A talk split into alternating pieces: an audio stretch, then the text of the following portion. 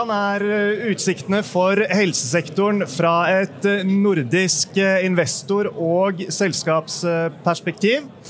Det skal vi diskutere nå, samtidig som vi lager live podkast her fra helsekonferansen til DNB. Jeg heter Marius Brun Haugen, jobber med aksjer til daglig og lager også podkasten Utbytte. Og sammen med meg har jeg Elisabeth Kirkeng Andersen, som leder Radiumpodkasten fra Radforsk investeringsstiftelse. Og vi må jo si at endelig, Elisabeth, endelig er vi eh, tilbake med en fysisk versjon av helsekonferansen etter en altfor lang digital pandemipause. Det er helt nydelig å være her igjen. Altså, DNB sin healthcare-konferanse er jo starten på julen for bransjen vår. Uh, det er her alle møtes, alle mingler, uh, presenterer seg, man blir oppdatert på uh, nye og gamle selskaper. Så det er kjempegøy å være tilbake her igjen, Marius. Ja, og så har det vært et spesielt år i år da, for finansmarkedene generelt, men definitivt også for biotekselskapene, for de har ikke sluppet unna. Både globalt og nasjonalt så har vi jo sett at de har falt voldsomt i verdi, og her kommer vi jo ikke utenom, da. Eh, når vi ser på forklaringsvariablene, den eh, kraftige renteoppgangen, det faktum at eh, prisen på penger har blitt dyrere, og at tilgangen på kapital rett og slett har blitt vanskeligere. Og I Norge så har vi jo eksempler som f.eks. PCU Biotech og Nordic Nanovektor, som har måttet avsluttet sine studier, og det har jo satt sitt preg på bransjen. Så jeg tror at når vi nå skal se inn i 2023, som er det vi skal gjøre her i dag, så tror jeg de fleste er enig med meg i at utfallsrommet det er definitivt uh, stort. Egentlig uansett hvilken bransje du, du, ser på, men det gjelder også for helse. Ja. Det har du rett, rett i, men eh, skal jeg velge å være litt mer optimistisk enn deg? Ja, gjør det, gjør det. Når markedet har gått kraftig ned, så vet vi jo alle at det skal opp igjen også. Og 1000 kroner spørsmålet det er egentlig bare når skjer det? Eh, I tillegg vet vi jo også at de store globale farmasiselskapene de har penger å rute med, for de har tjent mye penger gjennom pandemien. Uh, og det er jo penger da som de enten skal bruke til å kjøpe opp uh, biotek, eller gå i partnerskap med biotek. I tillegg så vet vi også at venturekapitalfondene de har penger. de skal også bruke de, sette de i omløp, investere i selskaper, men nok en gang så er jo spørsmålet når. Hvilke selskaper, hvilke teknologier?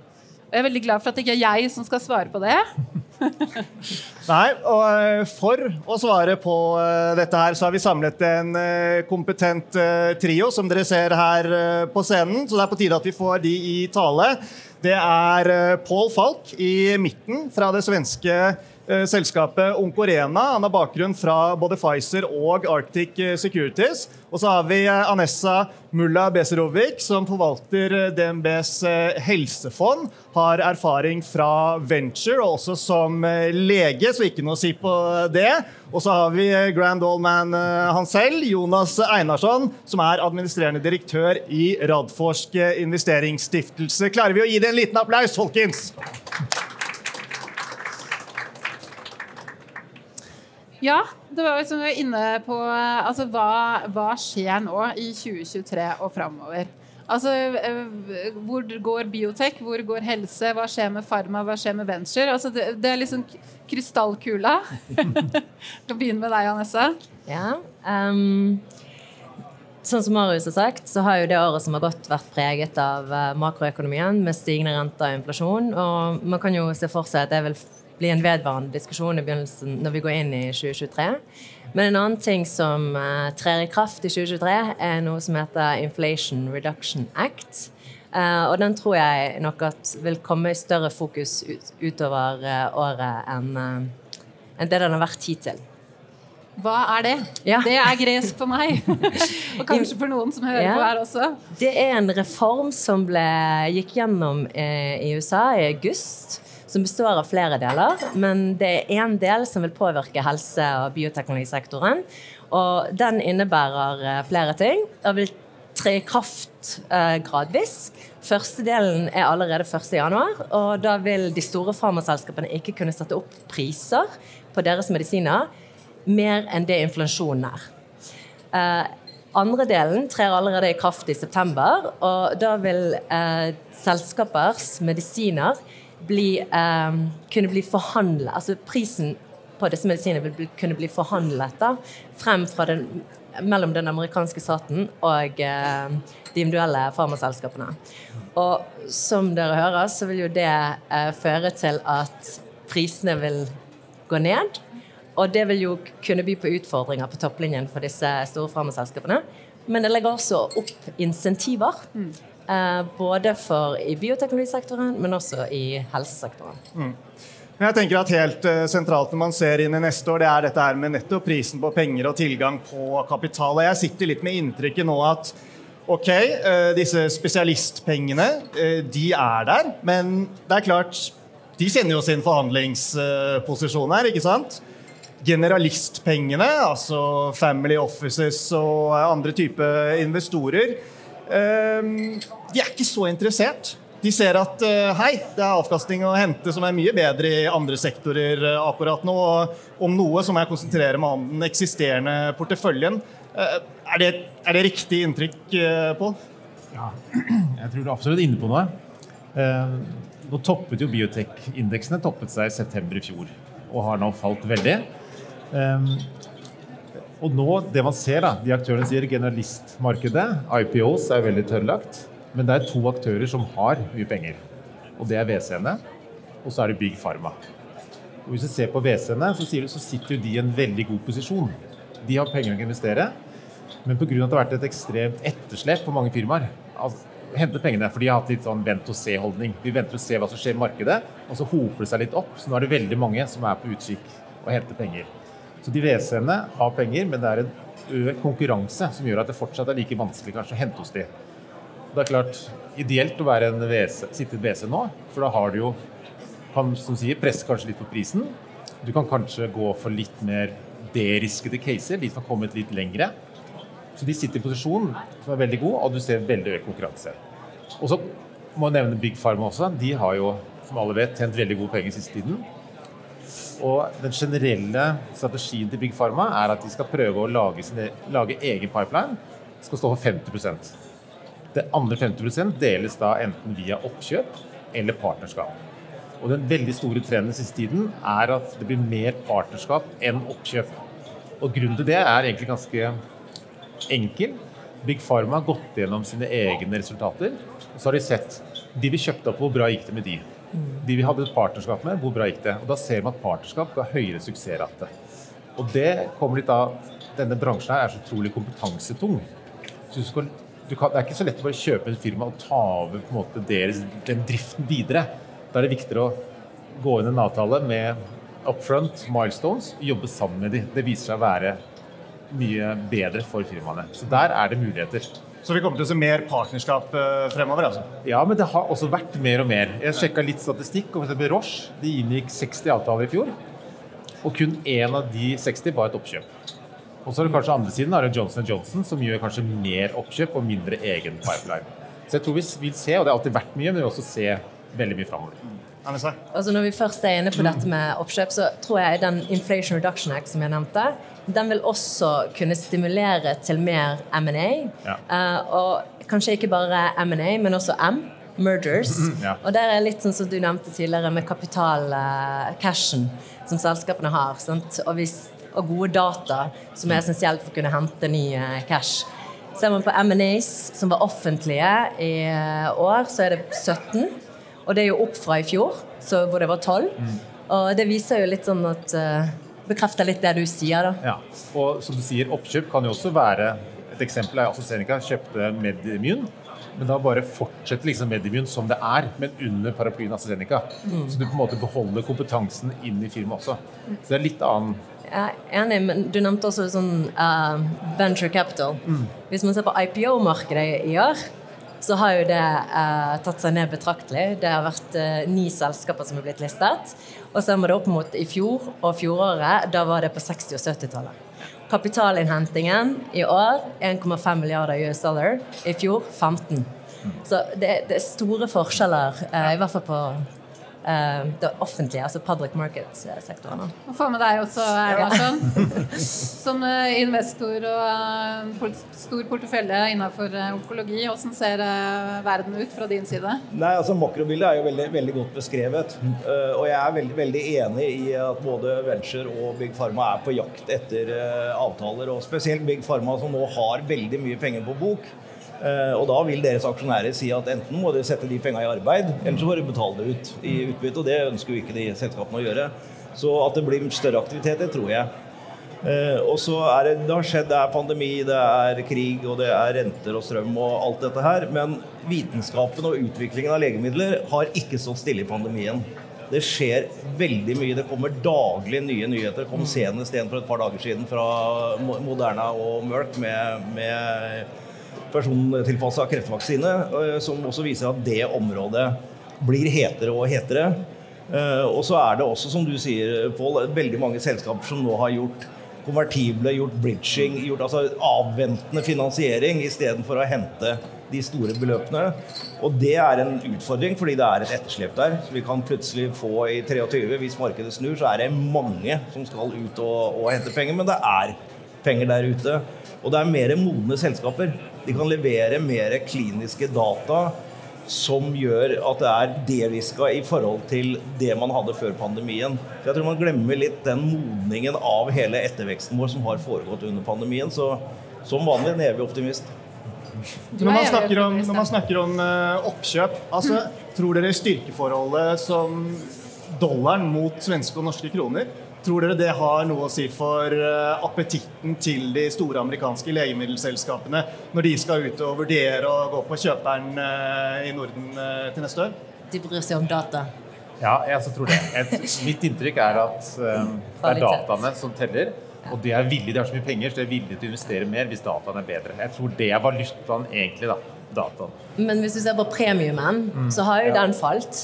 Sant? I år er snittet på 50 uh, mens i fjor var det og i forfjor 80-90. Så den har jo falt betraktelig. Mm. Så det er jo blitt billigere. Mm relativt.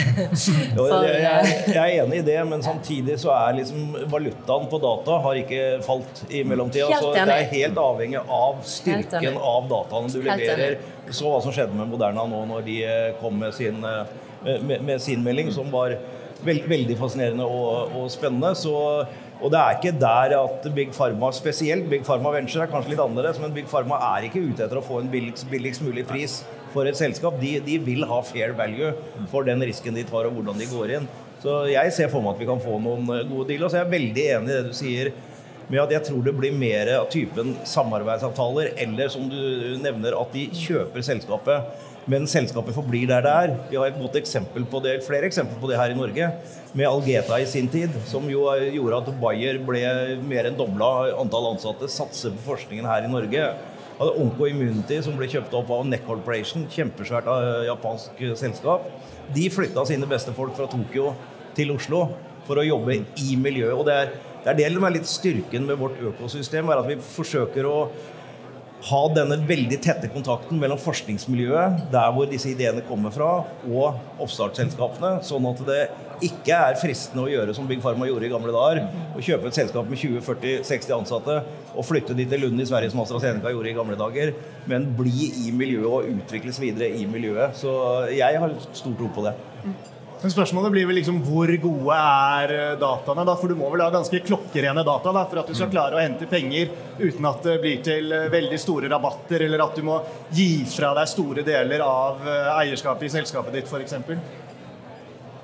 Ja, det er, det, det er, helt riktig. Er, styrken ligger, ligger, i dataene. Og det stilles ganske store krav til, til kvaliteten på dataene for å, å gå videre med det. Det er Får du sånn grå, gråsonedata, så har du en utfordring. Ultimovax kommer i første halvår. Gleder du deg til det? I hvert fall veldig spent. Det må, det må jeg si. Skrekkblanda fri. Jeg tror det er riktig det du sier, at hva slags type data er det også. Fordi at eh, min erfaring fra Pfizer når jeg jobba der i Business Development, det er at mange firmaer kommer og pitcher for de, og så har de gode data, men det er samlet med historiske data. Og da blir alt litt sånn OK, du må tenke litt mer. Hvor bra er det egentlig? Og det er ikke de noe glad i. Så det er litt noe med det at Pharma vil se at du tør å kjøre head to head tidlig. De vil heller at du finner ut et svar. Og så har de kanskje investert, men da kan de, er det sunk cost, da er de ferdig med den, gå til neste. Så de er ikke så glad i de dataene som ikke er så enkle å tolke, selv om det ser bra ut. Men de har så mange å velge i, så da tar de hele en som har gjort den head-to-head-studien. Det er klare data. Og det er jo veldig bra med Ultimax. De får den. Men, men også studiedesign ja, er også ganske viktig. Det, I Venture så vi litt sånn på det samme som dere gjorde. Da var det data, musemodeller, og man sammenlignet det mot benchmark, hva som finnes allerede der ute. Og man gjør det også i senere, uh, når de kommer i fase 1 og fase 2. For det er jo andre som har forsøkt å gjøre tilsvarende ting i lignende indikasjoner. Så da sammenligner man på hvordan var overlevelsesraten. Hva er det du prøver å slå? Du prøver å slå noe som allerede eksisterer. ikke sant? Så da, da ser man tendenser og bruker statistiske analyser til å klar, kunne klare å anslå under, resultatene underveis på hvordan det kanskje kommer til å se ut. Så man har allerede en forventning om hvordan dataene skal være. Og vi har jo sett i år at når selskapet ikke har klart å levere på det, har de blitt straffet veldig hardt. Og når de har klart å levere på det, så har de gjort det ganske bra. Og da har det ikke vært et problem å hente penger. Men uh, hvis vi skal tenke litt på sykdomsområder, indikasjoner, hvor er det man beveger seg hen nå? Hvor er liksom de hotte feltene? Begynn med deg, Anessa. så kan ta På M&A så ser man jo fremdeles at immunonkologi er superhot. Mm. Uh, sjeldne sykdommer er ganske hot. Og så er jo obesity, altså fedme og det som er relatert til det, det er en snakkis. Ja. Ja, det påvirker jo oss mange. Nei, det er bare å følge opp. Jeg tror persontilpasset, targeted. Og um, man så det må nevne med Moderna, som gjør, har gjort en god head-to-head-studie. 150 pasienter viser harde endepunkt at det funker. De jo åpne opp innenfor mRNA, også DNA, en enorm på en måte, muligheter. Om det er kreft eller om det er infeksjoner vi aldri har behandlet. Men det åpner også opp for andre firmaer som jobber med teknologi rundt levering av DNA-mRNA. Den eh, covid-vaksinen ble jo på en måte lagd pga. en ny formulering av nanopartikler som pakket inn så du klarte å levere det på seg. Og genterapi, masse bra. Ikke minst. Og one-off-behandling ja. på genterapi. De må treffe riktig mål. ikke sant? Så alle de som slår av på gener, sånn teknologi, levering, det åpner opp veldig mye rundt. Og det er allerede en godkjent i Europa. Og jeg tror at jeg er veldig enig med deg at det kommer til å prege bildet fremover. Mm. Ja, nei, jeg tenker at Det aller hotteste er som du sier innen immunonkologi, og det er jo å forbedre det som allerede nå er etablert som standardbehandling i de aller fleste indikasjoner. Og det prøves ut stadig nye indikasjoner. Men der, der vår checkpoint-inhibitor gjør jobben sin, men ikke godt nok. Og alt som kan gjøre noe med det på en eller annen måte, eh, det vil være hot fremover, tror jeg. Og så vil jeg også nevne radiofarmasi. Eh, med den moderne formen for å, å, bruke det, som flere av de store selskapene nå har signalisert veldig tydelig at de har lyst til å være med på det, det området. Og så er det altså, som du sier, mRNA kom, men mRNA har en god del svakheter. Så de som løser de svakhetene med å stabilisere mRNA, med å få det lettere ut med logistikken, med alt dette her, det vil være nisjer for, for den type områder. Forbedre de gjennombruddene vi har hatt de siste 10-15 årene bra. Mm. Mm. Uh, I forhold til uh, Hva er det som skal til for at de norske og nordiske selskapene rett og slett skal komme på radaren da, til uh, disse globale legemiddelselskapene? Altså, det er jo flere ting. Kanskje altså, Jeg mener jo at gode data, eksellent forskning, god presentasjon da har du det. da blir du lagt merke til, og da ser de på det. Og så utholdenhet. Hva tenker du, på Pål? Nei, jeg tror Valutaen er jo data og kompetanse hos firmaet. Mm. Og så må de få det ut, publisere det. Gjerne fagfelttidsskrifter, som er enda mer å stole på. Og så tror jeg i hvert fall Pharma da, ser veldig på det med tid. Og med tid så er det både er det riktig timing å lansere en slik utviklingsplan, og ikke minst hvor raskt klarer du å få det på markedet. Den gylne regelen er jo 'first or best'. Ja. No, hvis du har momentet, du ligger godt an, så må du ikke tape det momentet. Designe riktige studier, få det gjennom regulatoriske prosessene og få godkjenning kjapt. For det er lett å på en måte ligge godt an, og så kommer folk bak og så taper litt. Så jeg tror det er viktig at firmaene også viser at de tør å satse på litt risky studiedesign, men det vil også gi et svar som korter ned tiden til eh, godkjenning.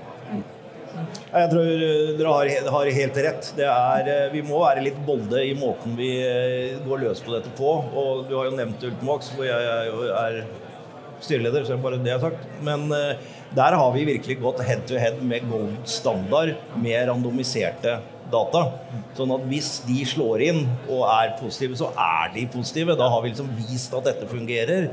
Eh, men vi har også måttet gå den lange veien med, med mindre studier, med historiske data, med alt det det har med seg å gjøre, som, hvor vi aldri kan si mer enn at det peker i en riktig retning. Men det Big Pharma har sagt til oss hele tiden, og gjør, kom tilbake med skikkelig solide, randomiserte data. Slår det, det, det, det er risky business, men slår det an, så har du virkelig fått det til.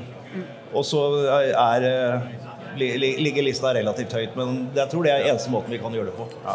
Og jeg tror Venture gjør det samme. Kom tilbake når dere har oppdaterte data. Mm. Um, så jeg tror det er litt sånn går igjennom det. Ja. Så, så i Pfizer at de gikk jo gjerne inn enten på veldig lovende tidlige data. Det er liksom det, dette er no-brainer, her er det noe. Men så er det veldig lite den midtdelen der, fase 1, tidlig fase 2, for der er det litt sånn Ok, funker, funker Da venter de heller til sånne data kommer. De har administrerte data, solide data. Og da er de villige til å betale mye mer. Men det mellomsjiktet kan være litt sånn vanskelig å vurdere. For det er liksom, det ser lovende ut, du vet ikke. Du har 20 andre som også er lovende. Liksom, hvordan skal du velge da? Men har du solide data, er det enkelt for dem å velge.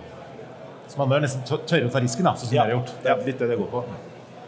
Så du er jo en litt sånn luksussituasjon du da, Nessa, fordi at du, du, kan jo sitte og vente. ikke sant? Du vet at disse selskapene kommer til å trenge penger i løpet av eh, De og de selskapene kommer til å trenge penger i løpet av eh, året. Men, men, du kan jo da sitte og vente på at uh, disse dataene kommer, fordi at da vet du at da er det mye tryggere for deg å, å gå inn. Ja, nei, men, Det er en måte å si det på. Men man har jo et fond hvor man har ganske mange posisjoner. Og da er kanskje, har man et selskap hvor eh, man ønsker å ta en større del, men man er usikker, så man ønsker å vente til det selskapet har publisert data. Og når det nærmer seg, så kan man ta en større posisjon.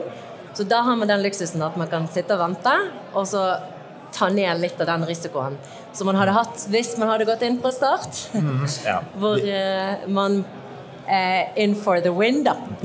Jo, men det er jo det, er, det er jo det det er også i den bransjen her. At hvis du går inn veldig tidlig, så får du et veldig billig lodd. Ja. Men det er klart eh, vinnersjansen er ikke så stor. Men hvis du sitter og venter til du på en måte er 99% sikker på at det er et vinnerlodd, så er det et dyrt lodd. Altså. Mm. Så det er den balansegangen å vite når man skal gå inn. Mm. Ja. Så hvis vi skal uh, oppsummere litt, da. Hvor uh, positivt ser du på 2023? Jeg er bull på bioteknologisektoren. Og helsesektoren kommer til å gjøre det bedre enn det brede markedet hvis det fortsetter sånn som det har vært eh, fremdeles. Så håper jeg eh, og tror at eh, vi vil kunne det vil kunne se bedre ut. Ja. Men det vil være utfordringer. som jeg nevnte tidligere. Og Pola, du representerer jo selskapssiden her. Ser det like lyst ut fra, fra, det holdet? Det er jo klart det er tøffere når det er et selskap, men det er jo penger å hente. Så det går liksom på å gjøre jobben sin så man blir attraktiv. Um, og jeg tror uh, For andre firmaer så må man jo Jeg mener jo at man må begynne en dialog med Big Pharma tidlig. Det lønner seg alltid. Og Big Pharma gjør jo også andre typer samarbeid.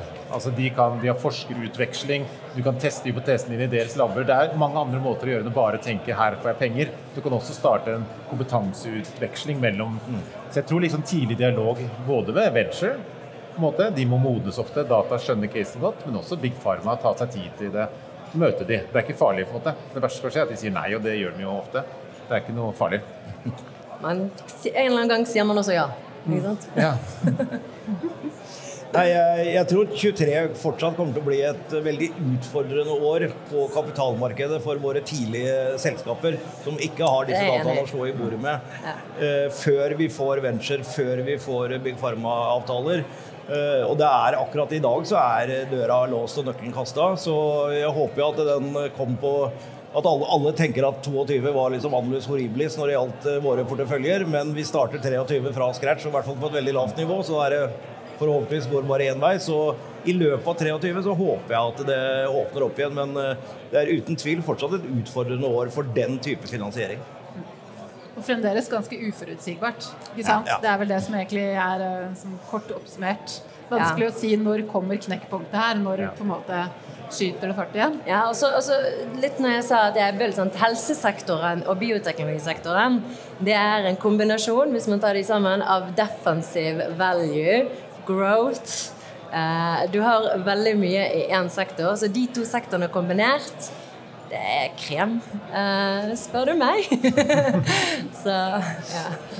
Men det er veldig bra, det. Det passer fint å avslutte på den eh, entusiastiske foten. Det må vi gjøre når det tross alt er eh, helsekonferanse.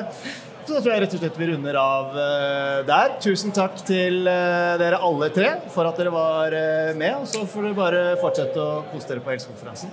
Takk, takk, takk, takk for oss.